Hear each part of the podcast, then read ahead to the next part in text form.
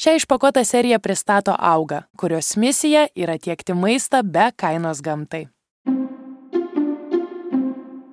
Šių laikų indulgencija. Kažkas nutiko, jie persigalvojo, jie nusprendė taisyti klimatą. Aš esu Andrius ir mano įmonė yra Net Zero. Aš kartais nusišneku. Tai. Tiesiog kartais nusišnekė. Na, iš esmės, ką mes buvom pasakyti, tai mums reikia pasikalbėti apie offsetinimą. Labas, aš Andrius. Labas, aš Rugilė. O čia išpakuota. Podcastas apie tvarų gyvenimo būdą ir ekologiją kasdien. Aš šiaip uh, turėjau pažiūrėti mūsų senesnius įrašus ir patikrinti, ar tikrai ekologija kasdien. Aš, kažka, aš jau kažkada pagalvojau, kad kažkada prisiminiau tą mūsų taip introgo ir ekologija kasdien. Koks terminas ekologija, niekas nebesako taip. Iš o, nu, kaip tok... čia suvedai, bet jo, pakalbėsim, kas kaip sako, bet jo, iš tikrųjų, aš atsimenu, mes ten tiesiog bandėm kuo trumpiau Ir kuo mhm. daugiau sukišti visko į tą sakinį. jo, jo, jo, jo. Ir pradžiagi buvo patvarų, nes nelabai tvarų, patvarų, tada jo, tais laikais dar buvo toks naujas terminas, kad mes net patys nežinojom. O ekologija buvo toks, kur, nu, mes prisimenu, kad net norėjom, kad kažkaip, kažkaip, kad žodis ekologija gal, kad tai. būtų. O dabar, pavyzdžiui, aš jeigu rašau straipsnius arba antraštės, tai yra viena taisyklė, nedėt žodžio ekologija, nes mhm. niekas nespaus. Kažkaip paseno tas terminas, biški. Jo, jo, jis toks apie viską ir apie nieką pasidarė, biški. Kalbant apie pasenimą, mes patys pasiam kokiais keturiais mėnesiais nuo praeito įrašo, ar ne? Jo, ir aš metais pasinau, man 27 soje. O, gimimo diena. diena. Jei, yeah, yeah. Mhm. Tai, tai kas nutiko, per, apie ką norėtum papasakoti iš savo vasaros? Tai jo, kas, tai pas, kas paskutinė mūsų serija buvo pavasarį, tada mes dingom e, dėl to, kad tiesiog panėrėm galvas tačiai darbų aibės ir visai nesilsėjom, bet ateina ruduo, tai grįžta ir išpakuota karts nuo karto pas jūs pasivaidensiu sausyse. Tai dabar ir vaidenamės, o tol, kol nesivaidenom, tai įvyko daug fainų dalykų, bet turbūt vienas fainiausių, kurio jau džiaugiausi prieš tinantį laidą, kad šiandien sužinau, kad gavau akreditaciją važiuoti į Junktinių tautų klimato kaitos konferenciją COP27, kuri vyks. Yay! Kuri vyks Egipte, Šaramal Šeikė šiais metais ir um, važiuoju kaip žurnalistė, bet to pačiu važiuoju ir mokytis. Ir, uh, ir įgyti žinių, ir duoti žinių, ir, žodžiu, domėtis tvarumu. Tai iškyla klausimas, kaip aš ten nukeliausiu. Turbūt, aha, kaip tu ten nukeliausi. Bet visai džiugu ir tikiuosi pasistengsiu iš kopo parvežti daug įdomaus turinio, kuris, mm -hmm. manau. Reikės tave pašnekinti būtinai. Jo, bus visai įdomus ir aktuolus. O kas pas tave? Uh, nu, pas mane, uh, jo, tai aš pradėjau dirbti tokį mini svajonių darbą, sakyčiau. Nenoriu čia per daug girtis, bet pradėjau dirbti muziejai. Seniai visai galvojau, kad būtų jėga. Tai energetikos technikos muziejai pradėjau dirbti. Ir ten mes irgi turime edukaciją apie atsinaujinančius energijos išteklius. Ir ar žinojai, va, interesting trivia, ar žinojai, Rugilė, kad galima su paprastu ledu, tos, kuris įsuktas lemputė pastoje sienoje, irgi gaminti elektrą. Kaip saulės bateriją galime jį panaudoti. O kaip? Nu, jis tiesiog irgi gaudo šviesą, jeigu mes pajungtume jį taip, kad jisai galėtų persiusti mum tą energiją, tai jis irgi šiek tiek gamintų.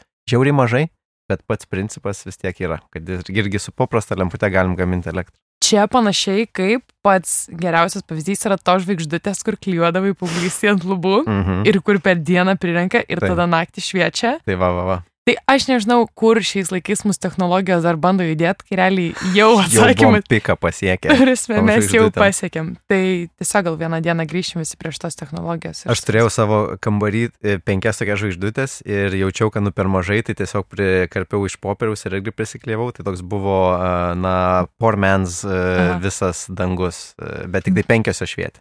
Nu, bet tai tokias dimensijos, gal viena šviečia, kitos tamsoja tokios truputėlį.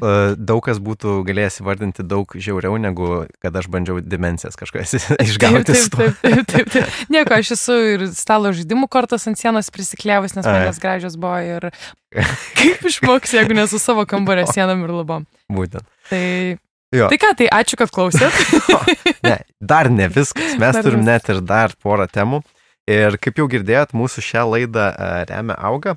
Ir jie ne tik mūsų remėjai, bet ir informacijos pateikėjai, nes jie mums atsintė labai įdomų tyrimą vieną, nuo kurio ir pradėsim šiandien.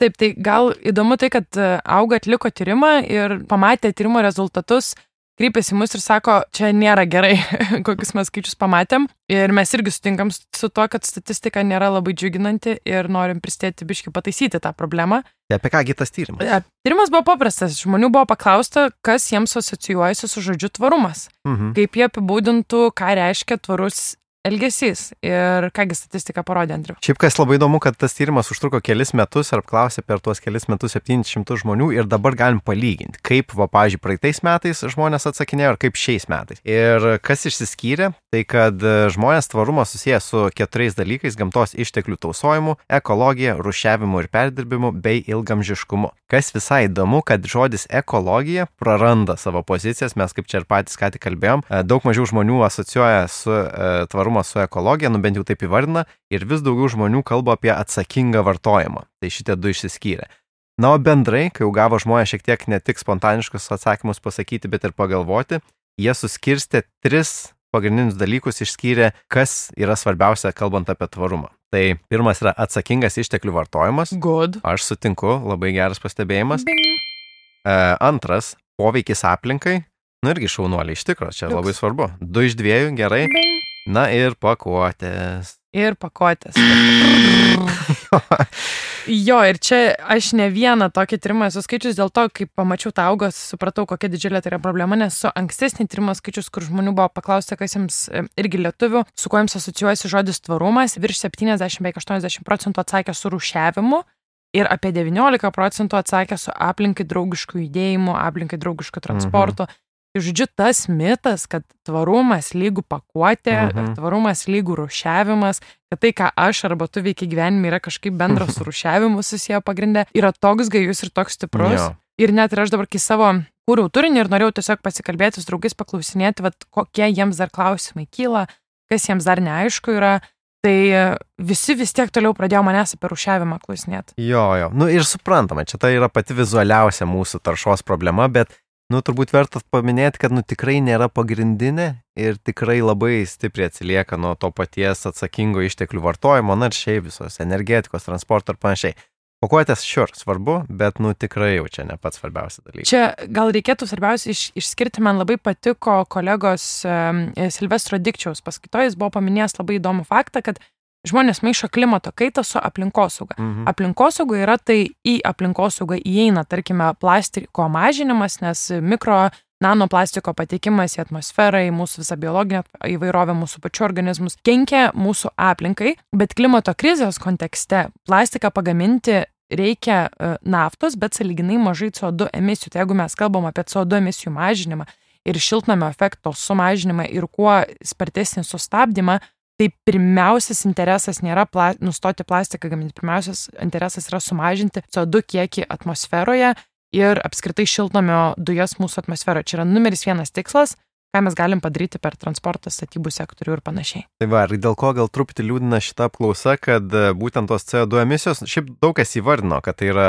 tvarumo dalis, bet mažai kas skiria tam didelę svarbą. Na, taip maždaug per vidurį toks. Nu, visai gerai, kad ir CO2 emisijas mažintume, kas, nu, iš tikrųjų turbūt yra pats pagrindinis dalykas, ką Taip, mes turėtume Taip, dabar tai daryti. 2022 metais buvo vat, atlikta ta apklausa, tai 80, virš 80 procentų pasakė, kad tvarumas yra atsakingas išteklių naudojimas ir pakuotės, ir 57, tai šiek tiek daugiau nei pusė pasakė, kad CO2 emisijos. Tai supranta žmonės, bet vis tiek mano, kad pakuotės yra svarbiau. Mhm. Na ir jau, kada auga susijęs su žemės ūkiu, tai jie dar užklausė žmonių apie maistą ir žemės ūkio visą tą industriją. Ir dar vienas šiek tiek nelabai geras atsakymas buvo, kad vis mažiau žmonių tai vardina kaip svarbę problemą. Na vis tiek daug kas, 80 procentų, bet palyginus su praeitais metais buvo 87 procentai. Nu tai šiek tiek krenta tas atsakymas, kad taip, kaip mes auginam maistą, vis dar nėra cool. Mhm. Keista, ar ne? Netrodo, mes tiek kartojam, kad transportas jo. ir maisto pramonė yra dvi šakos, kurios greičiausiai stipriausiai turi keistis, bet mes vis dar kalbam apie rušiavimą. Kartais taip trumpai pagalvoju, kad ne kiekvienas žmogus Lietuvoje klauso mūsų. Kas yra, nu, aišku, nesąmonė. Nesąmonė, pirmą. Andriu, irgi nenus, Nu, nenusimenkink. aš kartais nusišneku. Tai. Tiesiog kartais nusišneki. Mhm. Mhm. Aišku, kad visi klauso, visi girdi ir iš viso Lietuvoje, kur be paisyti, tai visiems tvarumas yra svarbiausia. Tai maždaug, man- aš einu gatvę pitakus dalinu, man žmonės Jo, iš jo. kitos gatvės pusės ploja, Jo, suprantu. sako, iš Taip, tas pats, tas pats. Jo, Taip, aš negaliu gatvėje ramiai praeiti. tas pats. Kaviniai valgyti negaliu. Bet, nu, žinai, tas suvokimas. Mėgoti nebegaliu. Mėgoti nebegaliu tiesiog. Bet, nu, vadinasi, e, statistika, augos atliktas tyrimas rodo, kad turim kalbėti toliau. Jo. Ir, bet turim kalbėti ne tik tarpusavį, bet turim pašnekinti ir kompanijas įvairias. Ir čia mes e, taip trumpai perinam prie to, kad e, tai nėra tik tai individualus dalykas, aišku, mūsų tas e, klimato taisimas ir įmonės tą jau suprato ir ypač tos didelės, pat, nu, iš 2000 didžiausių įmonių, kas penkta, jau paskelbė planus, kaip jie taps klimatui neutralūs ir dar įvairių žodžių įpynė, tuos, nu, aš žinau, kad tu užsirašai kelis Aha. tuos terminus, tai galėsim pavardinti, bet, Taip. nu, žodžiu, jie pabandė mums paaiškinti, kad e, mes irgi rimtai žiūrime šitą problemą. Mums mes, rūpi. Mums rūpi ir mes paruošėm planus, kaip mes išspręsim visą šitą nesąmonę, kurią įsivėliam. Tai dabar kokiais žodžiais jie tai bando e, pasakyti? Jo, kiek iš jūsų, klausimas klausytojams, kiek iš jūsų yra girdėję tokius išsireiškimus kaip net zero arba grinasis nulis, carbon neutral, climate neutral, carbon negative, offsetting, carbon offsetting arba anglės kompensavimas arba zero emissions. Taip, tai va. Toks bla bla bla bla bla. jo, daug žodžių. Iš esmės visi jie bando mums pasakyti vieną dalyką, kad ta įmonė, ar šiaip ne tik įmonė, pažiūrėjau, ir šalis, tuoj pat aptarsime Lietuvos situaciją, įsipareigojo, kad jie savo veiklą nebeterš. Iki tam tikro laiko jie sugalvos sprendimus, kaip savo veiklą padaryti E, gamtai visiškai nekenksminga. Taip, tai reiškia, jokios taršos papildomos nuo to, kad jie kažką daro, nebus. Bet dažniausiai šitas principas veikia tokiu formatu, kad, tarkime, aš išmečiau kažkiek kilogramų CO2 emisijų atmosferą, tai paskaičiavau, kokiais būdais aš tai galiu atpirkti ir mes va čia toj pasidalinsim, kokie tie būdai gali būti, kad e, bus sutaupyti keli kilogramai CO2 mūsų atmosferoje, na, bus surinkti iš atmosferos arba bus neišmesti Ir aš kažkokiais būdais finansuoju, kad šitaip, e, aš žodžiu, kompensuoju savo padarytą taršą. Yra iš tikrųjų du skirtingi mechanizmai. Yra tie neišmetimai privalomi. Tai, pavyzdžiui, mes ir Lietuvoje turim privalomus išmetimus. Tokios įmonės kaip ten Achema ar e, Grigeo gali tik tai tam tikrą kiekį teršalų sukurti, o jeigu jie viršė tą kiekį, nu, tai jau turi surasti būdų, kaip kažkaip padengti tą žalą, kurią daro. Tai čia yra ta privalomoji sistema ir iš tikrųjų ta sistema finansuoja pas mus tuos pigesnius elektromobilius, saulės baterijas ir panašiai. Čia tos paramos būtent iš tų pinigų ir ateina. Na ir yra dabar jau vis populiarėjantis dalykas - savanoriškas tas įsitraukimas į tokias programas, kur tu dar nesi pareigotas paskelbti, kad tu būsi įmonė, kuri neteršia, bet tu pats pasirenki turbūt dėl ir tų, na, kažkokių marketingo tikslų ir panašiai. Ir tada sakai, kad taip, mes pasieksim šitų tikslų, po šitais keliais. Aš esu Andrius ir mano įmonė yra Net Zero. Taip. Tai dar grįžtant prie tų terminų, labai trumpai paaiškinant, kad nes aš pati iki šitos laidos maišiausi tarp jų, nežinau, ką jie reiškia, jie visi šiek tiek truputį skiriasi. Tai net zero reiškia grinasis nulis. Tai reiškia, kad kiek aš išmečiau, tiek aš kompensuoju ir mano tarša yra nulinė tų, tarkime, metų.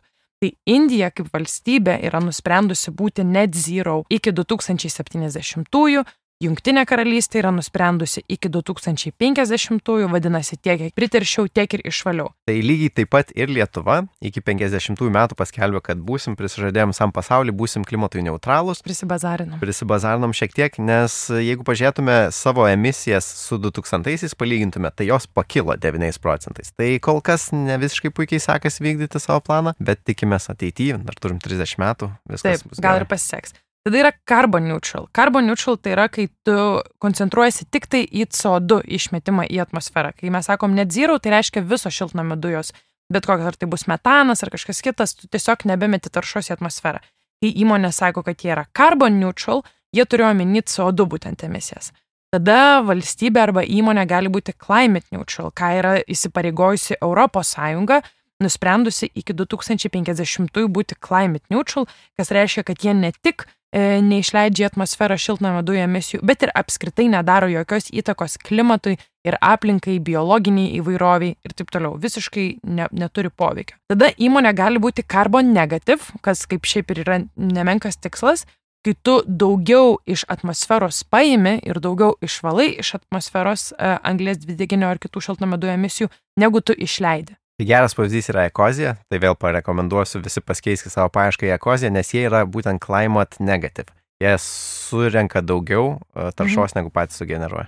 Taip, ir tada yra terminas zero emissions, prie kurio aš tiesiog pasirašiau, nėra tokio dalyko. Hmm. Jeigu įmonė sako, kad jie yra zero emissions, tai reiškia nulinės emisijos, kad jie absoliučiai nei kiek neišmeta, Tai yra absoliučiai neįmanoma. Mes sėdėdami šitam kambarį sukūrėm emisijas. Mes mhm. kvepuodami sukūrėm kiekvienas daiktas, net ir tas pats dviratis, kad ir kokia tai bus tvari priemonė, jį pagaminti yra sukūriamos emisijos. Tai jeigu įmonė tiesiog sako, kad pas jūs yra nulis emisijų, tai iš esmės nereiškia nieko. Tai va, bet dažnai jie, na va, jau paskelbė šitos žodžius, bet kartu su tai žodžiais ateina ir kažkoks planas, kaip jie to pasieks. Ir kas man žiauriai įdomu, kad prie tokių planų prisidėjo ir naftos kompanijos. Shell ir British Petroleum irgi sako, mes iki berots 50 metų būsim klimatui neutralus. Ir toks, ką?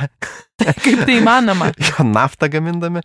Nu, okei, okay. e, tai gerai, bet, nu, sako klimatui neutralus, tai dabar pažiūrim, ką jie, e, kaip jie bando pasiekti, kas yra tuose jūsų plan, jų planuose, kaip jie sako, kad jie pasieks tą neutralumą. Ta net zero ar carbon neutral ar kokį kitą jie epitetą pasirinko. Ir čia turbūt auksinis žodelis mhm. šitos laidos pagrindinis fokusas ir visų mhm. problemų ir kaltininkas ir sprendėjas mhm. yra carbon offsetting, tai yra anglies kompensavimas. Tai yra um, dar kitaip tariant, šių laikų indulgencija. Tai yra būdas, kaip mūsų įmonės šiais laikais bando sukurti įvaizdį, kad jos yra neutral, net zero, climate friendly ar kad kokį kitą terminą mm. jie pasims. Nuodėmio atleidimas šiek tiek. Nuodėmio atleidimas. Tai Andriu, gal gali papasakoti, kas yra tas anglės kompensavimas, kaip Taip, tai, tai veikia? Šiaip tai gali būti, kad net esat matę jį, e, nes pavyzdžiui, jeigu pirkot kada nors lėktuvo biletą ir atsirado papildomas laukelis, kur padėti varnelę, kompensuokite savo skrydžio išmetamas tenai emisijas. Arba, pavyzdžiui, užsisakot kažką internetu, kad atsiųstų į namus, irgi galite kartais pasirinkti tą varnelę. Ten irgi jums kalba apie anglės kompensavimą. Tai kas yra tas anglės kompensavimas? Iš esmės yra dėl kažkokios veiklos, kai mes sukūrėm taršą, tai mes, va tos įmonės pasisako, okei, okay, jeigu tu pažymėjai šitą varnelę, tai reiškia mes investuosim į kažkokį tai daiktą, kuris ištrauks iš atmosferos tiek taršos, kiek sukūrė va tas tavo užsakymas. Iš esmės tiek, kiek pritarčiai, tiek sugaudai per kitus projektus. Mhm. Arba jeigu tu esi įmonė, kuri netiesiog produktą gamina, arba, nu, tiesiog tu netiesiog iš pirkėjo emi tiesiog jinai sukuria kažkokią tai taršą, pasiskaičiuoja ir sako, o aš išmečiau tiek ir tiek tonų CO2, mhm. tai davai aš investuosiu į, tarkime, pelkių fondą, Taip. mišką kažkokį tai atsinaujančios energijos jėgainę ar kažką, kuri tą išmestą kiekį kompensuos. Tai aš tiesiog susimoku babkės. Tai va, tai e, kalbant apie konkrečius projektus, kas vyksta, nu ką tai reiškia carbon offsetting, tai nu, galima juos įsivaizduoti kaip, va, pavyzdžiui, pramonės modernizavimas, tai kažkokie įrenginiai, kurie leidžia mažiau taršos išskirti gaminant, pavyzdžiui, utilizavimas tų taršių medžiagų, kurios šiaip, jeigu būtų paliktos, tiesiog skleistų, pavyzdžiui, metaną. Arba gaudyti tą patį metaną, čia irgi carbon offsetting. Jeigu kalbam apie brangiausius tos CO2 e, mažinimo būdus, yra iš atmosferos gaudimas juos, tai pavyzdžiui, investuoji į kažkokią gamyklą, kuri išsirps iš oro e, tą anglės dioksidą. Bet kalbant apie tai, kas yra populiariausia, čia mes tokius kelis nišinius pasakėm, bet visiškai dominuoja du dalykai - atsinaunančių energijos išteklių statymas gamyba, na ir pats populiariausias - miškų atsodinimas arba išsaugojimas.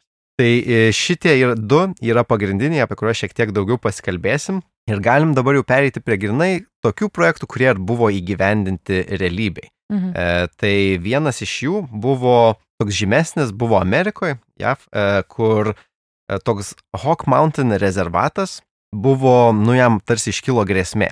Ir e, į pagalbą atėjo JP Morgan Chase, toks bankas didžiulis, beje, investuojantis daugiausiai į naftos kompanijas dabar, e, bet jisai kažkas nutiko, jie persigalvojo, jie nusprendė sutaisyti klimatą ir jie investavo labai daug į to rezervato išlaikymą. Pagrindimas buvo, kad rezervatui grėsia pavojus, mhm. kad planuojama iškirsti didelį kiekį tų medžių, dėl to reikia finansavimo, kad tiesiog išpirktume ir apsaugotume tos Taip, medžius. Ir jie tokiu būdu investuodami teigia, kad jie sutaupys tiek ir tiek CO2 emisijų, Taip. kadangi šitie medžiai bus neiškirsti, Vadinasi, jie rinks emisijas iš mūsų atmosferos ir tokiu būdu jie galės kompensuoti savo sukūriamą taršą, vadinasi, artėti prie tų nulinių emisijų kaip įmonė.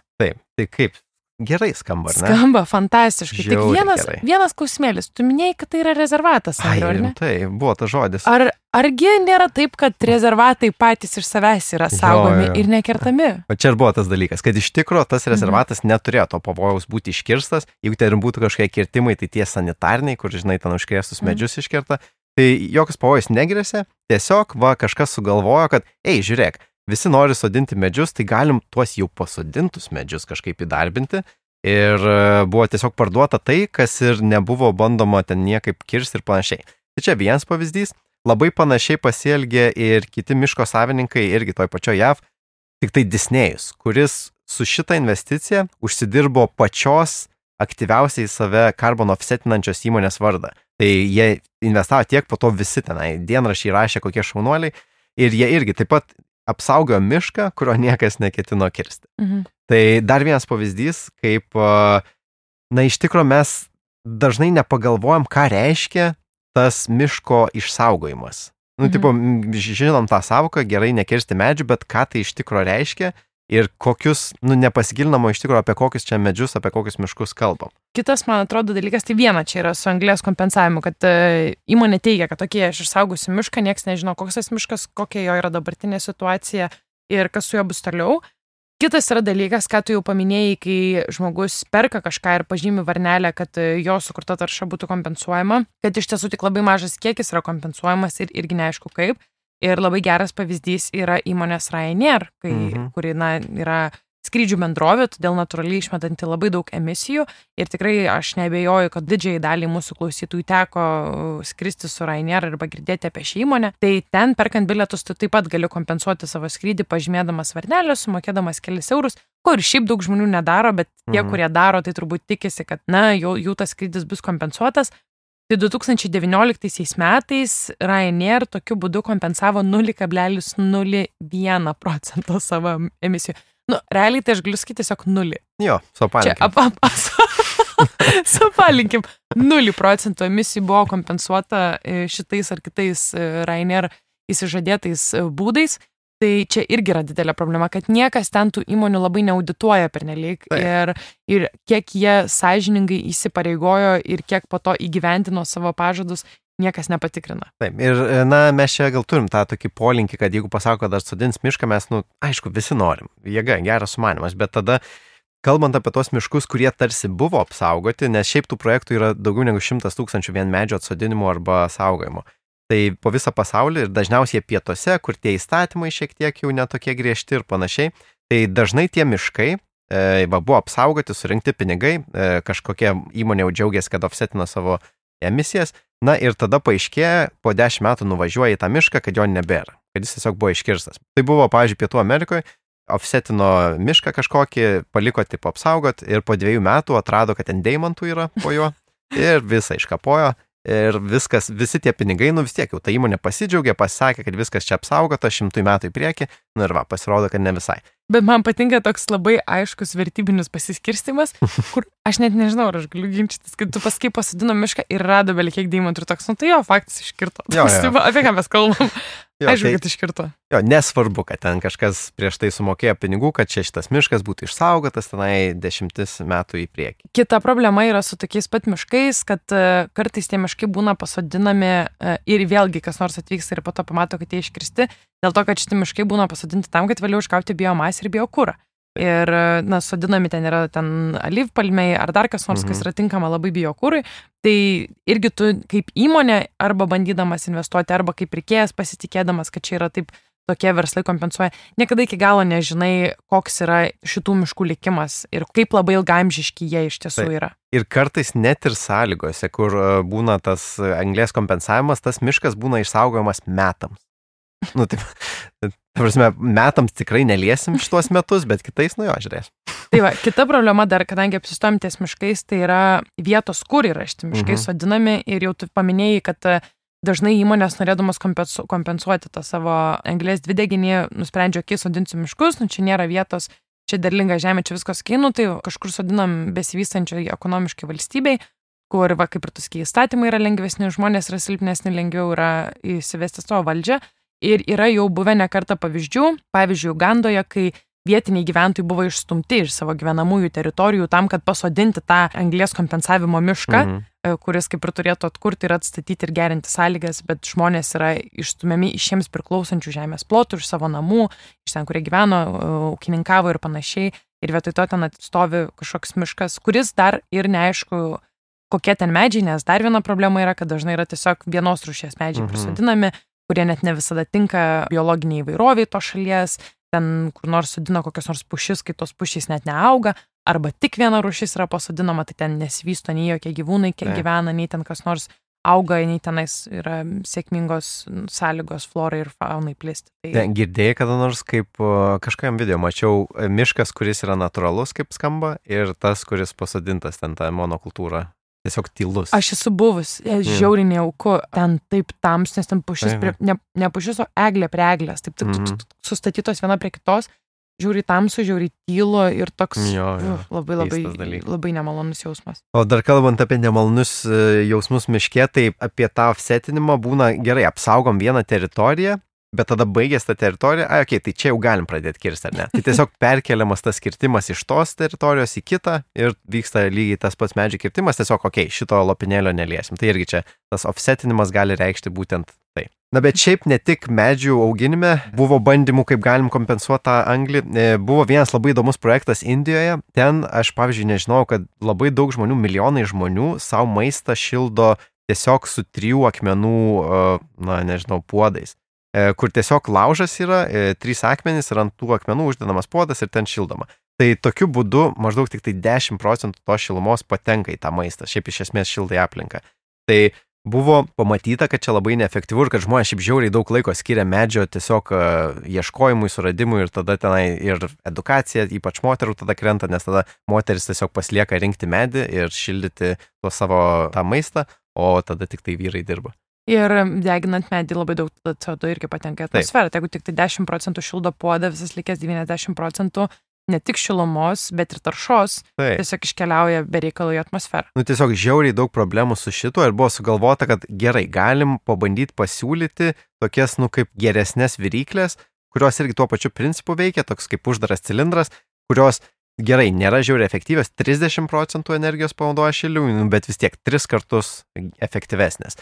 Nu ir buvo sumastyta, kad jeigu mes tris kartus sumažinam šitas emisijas, nu tai čia gigantiška permaina. Tai ta prasme, aš kaip įmonė galiu investuoti į, tarkime, tavo startuolį, kuris padeda Taip. ekonomiškai besivystančiose valstybėse įdėkti, kur sunkiai ten Taip. su maisto gaminimu yra sunkios sąlygos, įdėkti tas inovatyvesnės viryklės Jo. ir tokiu būdu ženkliai netgi, kas mane stebino, sutaupomos emisijos. Jo. Ir pačiai Indijai tai gal būtų pa pakankamai brangu, bet, nu, Europai 40 dolerių kainuoja ta viena geresnė viryklė. Nu, tai įmanoma, palyginus su šiaip kiek kainuoja offsetinti tą taršą. Tai žodžiu, jie taip ir padarė ir buvo tikimasi, kad čia, nu, čia bus ta sidabrinė kulka ir spręs šitą problemą. E, Bet pasirodo, kad žmonės tas emisijas, nu, jos sumažėjo 10 ar ten 15 procentų. Vietoj trijų kartų 10-15 procentų. Nes žmonės tiesiog pradėjo daugiau gaminti to maisto, pradėjo jungti kelias tas viryklės vieną su kita, nu tiesiog išnaudojo tai kaip tokį kaip ekonominį paskatimą, bet mažiau apie taršos sumažinimą tai buvo. Tai vis tiek neblogas sumanimas, bet tikrai netoks revoliucingas, kaip iš pradžių galėjo atrodyti. Tai galiausiai ir nesuveikė. Man atrodo, dar kalbant apie anglės kompensavimą, yra labai svarbu pasidomėti, kai įmonė teigia, kad ji kompensuoja kažkur ar į viryklės, ar į medžius, ar į dar kažką. Svarbu yra paklausti, kokią dalį savo emisijų arba ką konkrečiai jie kompensuoja. E, Labai geras pavyzdys buvo su BP, įmonė iš kastinio kūro įmonė, kuri pasakė, kad irgi bus iki 50 metų net zero, kur Mhm. lygiai taip pat mano tokia reakcija, kaip iš kastinio kūro bendrovė, kaip tu Ta prasme, kai tu išgirsti šitą sakinį, tai tu tiesiog supranti, kad jie kažkaip apėjo sistemą. Mhm. Mhm. Ir tau dabar įdomu tiesiog, kaip jie sugebėjo apeiti sistemą, nu, nes Jo. tikrai tokia įmonė negali tapti klimatui neutrali. Tai ką jie padarė, pirmiausia, jie nusprendė, kad vėlgi, aišku, viską offsetins, kažkur sodins medžius, ten kažką kažkaip, bet jie kompensuos tik tai tas emisijas, kurias jie išmeta išgaudami iš kastinių kūrą. Tai viskas, kai uh, degalai patenka į vidaus degimo Mhm. automobilį ir automobilis važiuoja gatve ir tai išmeta di didžiąją dalį emisijų ir teršia Mhm. mūsų orą ir sukelia klimato kaitą. Už tai BP savęs nelaiko atsakingais, jie Mhm. laiko atsakingi tik už tas emisijas, kurias jie išmeta išgaudami iš kastinių kūrą Jie žemės. negalvojo, kad žmonės degins tą kurą. Jie mane, kad šiaip kaupia kažkur padėjęs, o dabar sudegino. Nu tai aišku, kaip Nu, čia tai- sugalvosi, kad Tai taip, nu, Na. čia pirminė intencija buvo tiesiog kaip anglis vaikams per po kalėdų glutę padėti. taip benzino litrą. tai čia, čia tokia ir buvo jų kaip įmonės idėja. Tai Jo. Tai va, tai dar yra labai svarbu, kai mes girdim, kad įmonė sako, oi, kompensuosiu, kompensuosiu, tai ne tik kurint kompensuos kaip, bet ir kokią dalį savo jie taršos ketina kompensuoti, nes čia yra labai dažnai panaudojami įvairių žodeliai ir apėjimai, kur tu tiesiog sužinai, kad jie ten galbūt šiek tiek paefektyvint savo procesus Mhm. ir tai kažkokią ten dalį stupys, bet nieko daugiau. Tai čia yra, man atrodo, irgi labai svarbus aspektas. O kalbant apie dar vieną būdą, kaip e, atsimenat, kalbėjom apie antrą populiarų būdą atsinaujinančius energijos išteklius. Ir čia mes galim dar vieną kampą pamatyti, kaip galima apgudrauti. E, nes, pavyzdžiui, vėlgi grįžtam prie Indijos ir ten buvo statoma daug vėjo malūnų, kad gaminti atsinaujinančią energiją, bet pasirodo, kad iš tų uh, offsetinimo lėšų buvo pastatyta daug tų elektrinių ir 50 procentų jų taip ar taip būtų pastatytos. Tas, tos papildomos surinktos lėšos tiesiog kažkam nukeliavo, bet jos tie projektai ir taip buvo, jeigu nebūtų tų lėšų, jie ir taip būtų statomi. Tai nureiškia tiesiog kažkas priskyrė, va to, tas papildomas lėšas, kad, ai, iš tikrųjų, tai mes čia už tuos pinigus pastatysim. Mhm. Nors jau buvo pinigai, projektai ir panašiai. Tai čia dar vienas būdas, kaip galima sukčiauti, kad tiesiog ant jau esamų suplanuotų projektų uždedamas tas, kad, nu, mums dar reikia šiaip finansavimo jiem papildomo ir va žmonės arba įmonės tegu saukoja. Čia turbūt ypatingai galima tą pastebėti, jeigu įmonė offsetina į projektą, kuris šiaip neša ekonominę naudą. Taip. Tai tikėtina, kad galbūt jeigu jisai yra naudingas ir patrauklus valstybei ar kažkokiai įmoniai, tai greičiausiai taip ar taip jo jis bus įgyvendintas. Ar taip. tai yra vėjo jėgainės, na tarkime dabar e, kompensuoti savo taršą finansuojant vėjo jėgainių parką Baltijos jūroje, mhm. kur nu, da, tai jisai ja. bus, ta prasme, ir net tu tai kažkas kitas jį pastatys šimtų procentų. Tai va, o ir ta vyšnė ant torto, sakyčiau, ir buvo 2016 metų tyrimas, kuris įvertino, va, kiek iš tų projektų, čia jau nuo Kyoto protokolo buvo tie carbon offset projektai pradėti, ir kiek iš tų projektų iš tikro sumažino taršą, iš tikro padarė tai, ką planavo. Tai kaip manai, kiek procentais gali sakyti? Iš visų įmonių, kurios pasižadėjo būti net zero. projektų projektų, mhm. kurie carbon offsetina, kiek iš jų iš tikro offsetino e, taršą? 10 procentų. Jo, panašiai, 15. O, 15 procentų iš jų buvo ne kažkas fake, ne, ne greenwashingas, o iš tikro padarė tai, ką žadėjo. Tai 85 procentai buvo tiesiog kažkokia fikcija.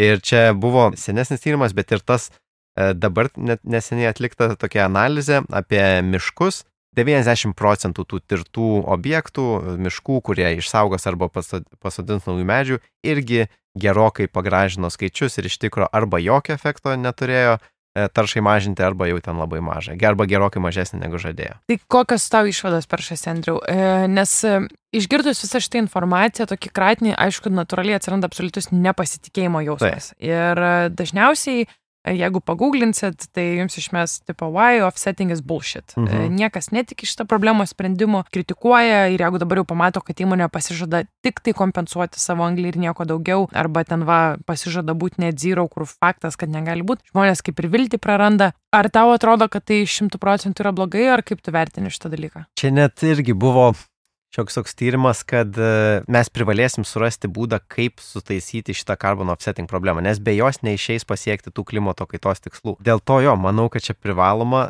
tiesiog sutvarkyti tai, nes čia yra svarbus ir gerai skambantis dalykas, tiesiog dabar turi daug problemų, kodėl tai neveikia. Mhm. Ką, ką tu manai?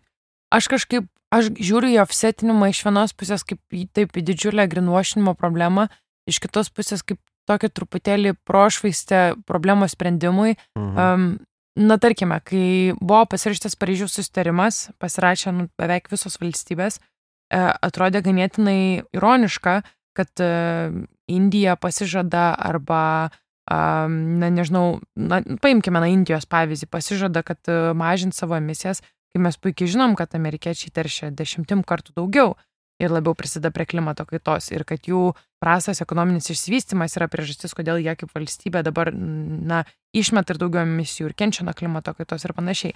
Ir visada, na, buvo tas toks diskursas, kad turtingos valstybės, turtingos įmonės turi padėti šitom valstybėm. Tai man atrodo, kad offsetinimas ir yra tas būdas, kuomet tu kaip tarši įmonė offsetini į valstybės, kurios labiausiai kenčia šiuo metu nuo klimato kaitos, kuriams labiausiai reikia sprendimų, kurios neturi dabar finansų išsispręsti. Na, tarkime, Pakistanas ką tik nuėdėjo naujienose visur, kad didžiulis plotas Pakistano buvo užtvindytas, milijonai namų prarasti, tūkstančiai gyvybių. Tai yra baisi tragedija, tai man atrodo, kad jeigu įmonės offsetintų tos turtingosios, tos taršiosios valstybės ir įmonės offsetintų į tiesioginius tikslius projektus, kurie padeda ir sprendžia, tai čia, man atrodo, yra visiškas būdas kaip šitą problemą išspręsti. Ką mes mhm. matom, kad tikrai nėra sistemos, nėra galbūt organizacijos, čia turbūt jungtinės tautos turėtų prisimti šitą atsakomybę, stebėti, generuoti, ieškoti, kokie projektai, kokiems projektams reikia finansavimo ir kokios įmonės nori arba turi offsetinti, tai man atrodo. Taip, tai čia būtent ir galima aptarti, kokios problemos neleidžia tiems projektams būti sėkmingais. Beje, e, trumpas interpas, e, tu paminėjai jau ir šią laidą diskursą. Tai, Jau paminėjau žodį diskursą. Pasakėjai, pasakėjai. Taip, taip, taip. Ačiū Gerai, labai. Aš... Viskas turim. Gerai. Uh, tai tos problemos, kurios, kurios neleidžia, yra būtent, kad nėra to kontrolės mechanizmo. Ir šiaip yra asociacijų, kurios atseit patikrina, ar čia viską gerai vykdo tie offseteriai, bet jiems moka tos įmonės, kurios perka kreditus, kurios perka tą, tą paslaugą. Tai tie patys miškai, tie patys rezervatai, apie kuriuos kalbėjom, tai irgi buvo patikrinti ir niekas nerasta. Viskas Mhm. pasirodo gerai. Nu tai va, nesunku dar pasitikėti to, to tikrinančiam įmonėm. Kitas dalykas yra, kad, na, kompanijos renkasi pigesnį variantą. Ta mišką išsaugoti pagal kainą yra gerokai pigiau negu reikšmingą tikrą projektą paleisti, kuris iš tikro papildomai sugaudo tą taršą. Ir yra kitas dalykas, kad svarbiausia tie projektai, kad nebūtų kažkoks tiesiog panaudojimas esamų sumanimų, o būtų visiškai kitas dalykas, kad būtų sprendžiamos tos problemos, kurių šiaip verslas nesprendžia, kurios finansiškai neatsiperka ir neturi kažkokio verslo plano šalia. Dėl to ir renkam tas lėšas, kad būtų tvarkomos problemos, kurios neturi finansavimo. Tai va, va būtent ir tu pačioj laidos pradžioje davai pavyzdį, kad įmonės, kai jos pasiekia savo taršos limitą, jos moka kažkokias tai na baudas arba mokesčius ir tie pinigai yra vėliau panaudojami, tarkim, Lietuvoje plėsti elektromobilius, teikti Taip. žmonėms kompensacijas ir panašiai. Tai aš kai daviau pavyzdį tarp, tarkim, Amerikos ir Indijos ar Pakistano, tai aš ir, aš ir daviau šitą pavyzdį, na tik tai didesniu mastu, kad kažkoks teršėjas susimoka kažkokias tai sumas, bando kompensuoti savo padarytą taršą ir tai daro ten, kur tos pagalbos reikia, ten, kur tos paskatos reikia. Tai būtent ir vieta dar irgi vienas labai svarbus dalykas, kur tu offsetini savo taršą. Nes pavyzdžiui, buvo pavyzdys su aviacijos kompanija Vokietijoje, kurie savo taršą kompensavo Vokietijoje užpildami laukus, kad pelkės atgaivinti. Nes pelkės labai daug CO2 laiko savie, Mhm. tai kad ne, nedingtų į atmosferą, užpylė pelkės. Tai va čia yra geras pavyzdys to projekto, bet tuo pačiu jie investuoja ir į miškų atsodinimą kažkur Pietų Amerikoje. Nu ir va čia jau mes galim turėti problemą. Dėl to, kad tai kam prisiskaito tos, tas sutaupimas anglės? Ar Vokietijai, kuri va ten sodina miškus kažkur Pietų Amerikoje, ar tai šaliai Pietų Amerikoje? Ir Mhm. dažnai kas nutinka, kad abi šalis prisiema savo laurus. O, aš to nežinau, kaip įdomu. Ir čia yra didžiulė problema dėl to, kad tada e, mes nu iš vis iškraipom statistiką ir pasirodo, kad Vokietija ir kita šalis lygiai toj pačioj vietoj, lygiai tam pačiam projekte dvigubai padidino sutaupimus tos anglės. Mhm. Nu, Mhm. kas yra nerealybė ir kas, nu, iš esmės kartojasi po visą pasaulį tose projektuose. Tai va, dėl to visai svarbu ir lokaliai e, tuos savo projektus pritaikyti. Plius lokalų sprendimai leidžia gyventojams patikrinti, kiek tai yra realu. Man, Taip. aš e, kaip tik tu paminėjai apie pelkės ir aš norėjau paminėti, kad Lietuvoje yra organizacijų, kurios nėra oficialiai e, sertifikuotos kaip absoliučiai tinkamos anglės kompensavimui, bet jos užsiema šitai- šitom iniciatyvom ir tu pats gali gyvai nuvažiuoti ir pasižiūrėti į tą pasodintą medį. Tai tarkime, yra organizacijos pasodink medis, tada yra neliečiamo miško paramos fondas ir yra pelkių atkūrimo fondas, kuris lygiai taip pat atkuria pelkės ir tu gali nuvažiuoti, tau praveda ekskursiją, tau papasakoja e, biologai, kas čia vyksta, kokie procesai ir taip toliau. Vis tiek išlieka ta rizika, kad tu nežinai tiksliai, ar visi Taip. tie pinigai nukeliavo ten, kur turėjo. Natūraliai visada išliks tos baimės, bet e, kai tai yra Lietuvos įmonė, už ją yra atsakingas lietuvis, tu gali nuvažiuoti, gyvai pamatyti, ar tas medis buvo pasodintas ar ne. Vis tiek atsiranda šiek tiek daugiau pasitikėjimo. Pavyzdžiui, aš pati susodinusi per miškasodį neliečiamų miško paramos fondui mišką, Mhm. e, kuris, aš žinau, aš mačiau savo akimis, kaip susirinko dešimtį žmonių, aš žinau, kad e, įvairios įmonės skiria tam pinigų, buvo nupirkti tie sodinukai ir aš juos savo rankomis dėjau. Natūraliai tai man jau kelia pasitikėjimą organizacija, kuri, na, teigia, kad kažkokią tai dalį gali tau padėti kompensuoti. Ar tai yra šimtaprocentinis garantas? Ne. Bet e, tas lokalus sprendimas, investavimas į lokalius sprendimus tikrai truputėlį įmonėms tokią šiek tiek varnelę mano akise Mhm. uždeda ir šiek tiek desnį pasitikėjimą duoda, bent jau man. Tai va būtent, tai va mes čia ir taip ir šokinėjom aplink tuos sprendimus, galim taip trumpai apibendrinti, kad, nu, ko reikia, problema aiškiai, ar ne, sunku pasitikėti tais a, anglės kompensavimo mechanizmais. Tai mums reikia patikimų institucijų, kuriamis tikrai galim pasitikėti, tai čia gal ir ES gali kažkada padėti, kad mes žinotume, kad buvo tikrai griežtai patikrinta ir jeigu jie suklydo, kažko nedaro, nu, tai kad mes žinotume, kad tai, ką mes offsetinam, kad iš tikrųjų nėra panaudojama, kad ten vietoj vienos tonos, pusė tonos arba iš vis jokios tonos. Aš esu girdėjus, kad dabar šiuo metu yra uh, Europos komisijoje kalbama apie kažkokį tai paketą kaip uh, offsetinimo oficialų sertifikatą, leidimą, uh, kuris kaip ir stebėtų šitus procesus, bet irgi viską labai taip blankiai žinau ir kiek teko domėtis internete, nėra, neradau labai daug ką iš tikrųjų mums čia verta atskirti, šiaip net yra mechanizmas tom įpareigotom įmonėm neremti miškų atsodinimo ir išsaugimo. Dėl to, kad jau aiškiai žino ES, kad šitie projektai neveikia, e, bet mes, kai kalbam apie tą savanorišką, kur tos įmonės pačios tenai Amazon ar kažkas pasako, kad va mes čia apsetinom, tai va čia nėra jokio to mhm. patikimo mechanizmo, nes ten va jie taip ir susirenka pigiai savo tos kreditus. Tai gerai, tai sistema. Pirmiausia, mums reikia aiškios patikimos sistemos ir tą sistemą tikrinančių institucijų. Taip. Antras, visi projektai turi būti papildomi. Neturi būti kažkoks esamo projekto finansavimas, o turi būti naujas projektas, kuris nebūtų įmanomas be tų surinktų lėšų. Kalbant apie lėšas, jos turi būti panaudotos tokiem nepatraukliem projektam, kur, pavyzdžiui, sutvarkyti cheminės atliekas, kur pinigų iš to nepasidarysi, nu, bet taršos galim pasidaryti, dėl to reikia sutvarkyti. Nu, stebint įmonės, mums reikia iš jų konkrečių žingsnių. Kai kalbėjom, kad e, dalis tų įmonių, kai kalba, jie paskelbė, kad, nu, va, visa elektra bus iš atsinaunančių išteklių, tai va čia geras žingsnis. Čia mes galim pamatuoti. Bet va visi tie abstraktus, išsaugosim mišką nuo kirtimo. Jo, mes pasižadėm žalę ir renewable ir zero. Taip. Tai, nu, čia jau reikia taip, kad jie pasakytų tiesiog konkrečiai, ką darys, kurioj vietoj, kiek skiria pinigų ir panašiai. Va, tada taip, jau kas, galim pasitikėti. Kas įskaičiuota, koks, kokia dalis emisijų, kok, iš kur tos emisijos buvo išmestos mūsų įmonėje ir taip toliau. Tai toks kažkoks transparency yra labai svarbu. Taip, na ir čia, kaip ir visose savo laidose kalbam, kad Svarbiausia yra mažinti tas emisijas ten, kurios ir prasideda. Nu, tai tuose pačiose įmonėse, ten, kur mes kūrėm tą taršą. Nu, ir čia mhm. galim pasimti ir konkretų lauką aptarti, kadangi jau mūsų šitą laidą remia auga, tai galim pasišnekėti apie žemės ūkį, kuriame irgi galima daryti labai daug taršių sprendimų ir daug įmonių daro, bet galima ir pagalvoti šiek tiek kūrybiškiau, kaip galima išvengti tos taršos. Taip, tai visada, kai jūs žiūrite įmonę, ar netvari ar netvari, reikėtų žiūrėti ne į pažadus ir ne į kompensavimą, reikėtų žiūrėti, kaip ta įmonė sektorija, kuriame jie teršia, kaip jie bando tą taršą sumažinti. Tai iš viso reikėtų vengti ieškoti termino tik offsetting arba kompensavimas. Jeigu įmonė tik tai tuo pasižada arba tik apie tai kalba, tai nėra ilgalaikis sprendimas perspektyvoje ir mes turime galvoti apie visišką efektyvų įmonės sistemų pakeitimą taip, kad nuo pat pradžių įmonė būtų kuo mažiau tarši, kad jinai kuo mažiau prisidėtų prie klimato krizės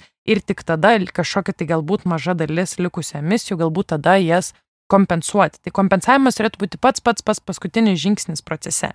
Ir visada, kai aš išgirstu, kad įmonė gamina iškastinį kūrą, bet e, savo degalinėse naudoja popierinius perdirbtus padelius mhm. ir tai prisiema kaip kažkokį tai savo tvarų žingsnį. Arba vėlgi gamina iškastinį kūrą, bet offsetina kažkur miškuose, kažkur tenais pietų Amerikoje ir Afrikoje. Tai čia nėra ta, ta vieta, kurioje įmonė turi pasitemti. Įmonė turi pasitemti esminėme savo sektorėje, kuriame jie sukuria daugiausiai taršos. Tai visada, kai ieškote, ar įmonė yra tvari ar netvari, nekreipkite dėmesio tą offsetinimą, žiūrėkit, kaip jie savo įmonės viduje, ką pasižada ir ką jie kalba. Tai kaip galima atpažinti. Tai Galbūt įmonė turi e, oficialius tvarumo sertifikatus, tokius kaip B Corpas. Tai yra sudėtingas e, sertifikatas, kurį norint gauti, reikia praeiti labai ilgus auditus, labai daug ataskaitų, tu turi labai daug raportuoti ir tada tik tai po ilgo laiko tu gali gauti sertifikatą, kuris tikrai uh, liudyja, kad įmonė siekia ir eina link tvarių procesų arba jau nemažai tvarių procesų yra įsigyvendinti savo viduje.